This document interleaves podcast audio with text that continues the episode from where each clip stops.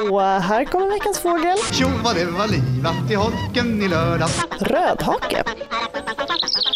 Nu kommer vi in på en av de här riktigt trevliga och välkända fåglarna som finns i nästan hela landet. Och det är rödhaken. I trädgårdar och parker och skogar med mycket gran så kan man stöta på den här trevliga och orädda fågeln. Kan man misstänka att den har en röd haka? Stämmer alldeles utmärkt. Eh, det är det som har gett den dess namn. Rödhaken känner du igen, det är en ganska liten, lite rund fågel som ofta hoppar omkring på marken och som har ett rött bröst. Det är liksom som ett hjärta som är upp och ner. Det låter som en kärlekens fågel. Det kan det absolut vara. Det finns eh, mycket romantik och lore kopplad till rödhaken. Det finns en sägen då som säger att eh, rödhaken fick sitt eh, röda bröst av en droppe blod då från eh, Jesus på korset då från, från törnkronan. Mm. Och det finns någon annan skotsk sägen om att eh, det är en droppe av Guds blod som gör eh, bröstet rött. Så man kan tänka sig att det är någonting att det finns en symbolkraft då i, i dels den röda färgen och dels att det är på bröstet och sen att det också är en fågel som gärna visar sig nära människan och som alla lätt kan se.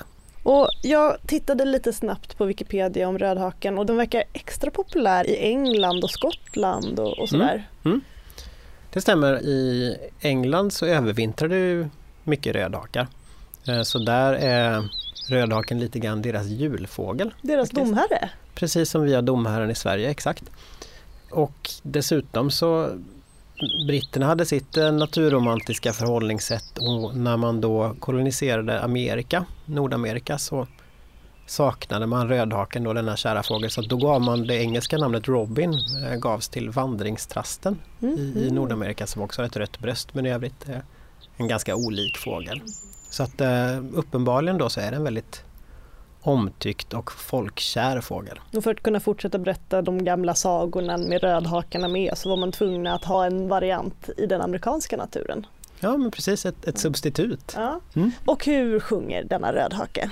Rödhaken är inte så här jättelätt att känna igen på sången. Den har en lite porlande, på något sätt lite snabb sång men som ändå känns lugn. Eh, Men, men det man ska lyssna efter då det är de här, den här porlande sången där varje sångstrof ofta inleds med några riktigt höga utdragna toner.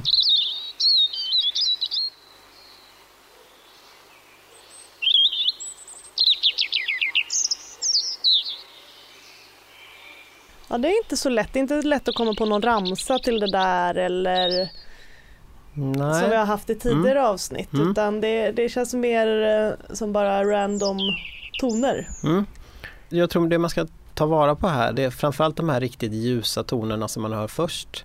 Men också att det generellt är ganska ljusa toner i, i sången och att det är lite porlande snabbt men ändå lugnt på något sätt. Så att jag tror man kan tänka sig att det är silvertoner och då är det ju rödhaken med sitt röda bröst och så är det rött och silver. En rött bröst och sjunger i silvertoner.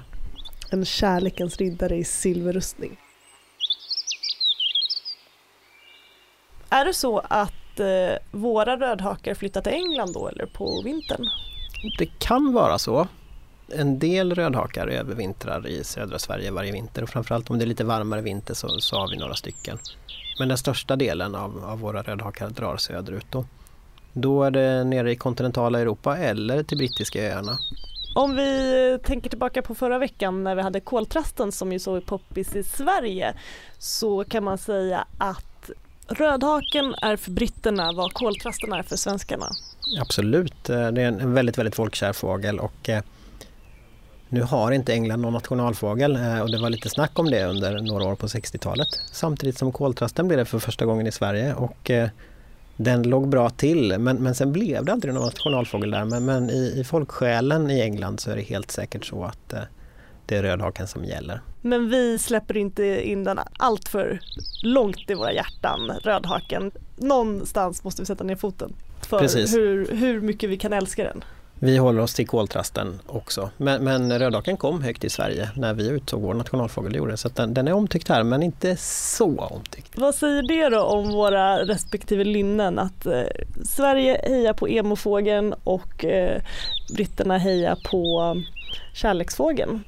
De är kanske helt enkelt lite mer passionerade än vad vi är britterna. Ja, jag det, tror det, inte det. Det, det. Vi lanserar den teorin, sen ja. är det väldigt oklart om den håller. Men, ja. men, eh, jag dejtade en britt en gång, jag känner inte att passionen var så.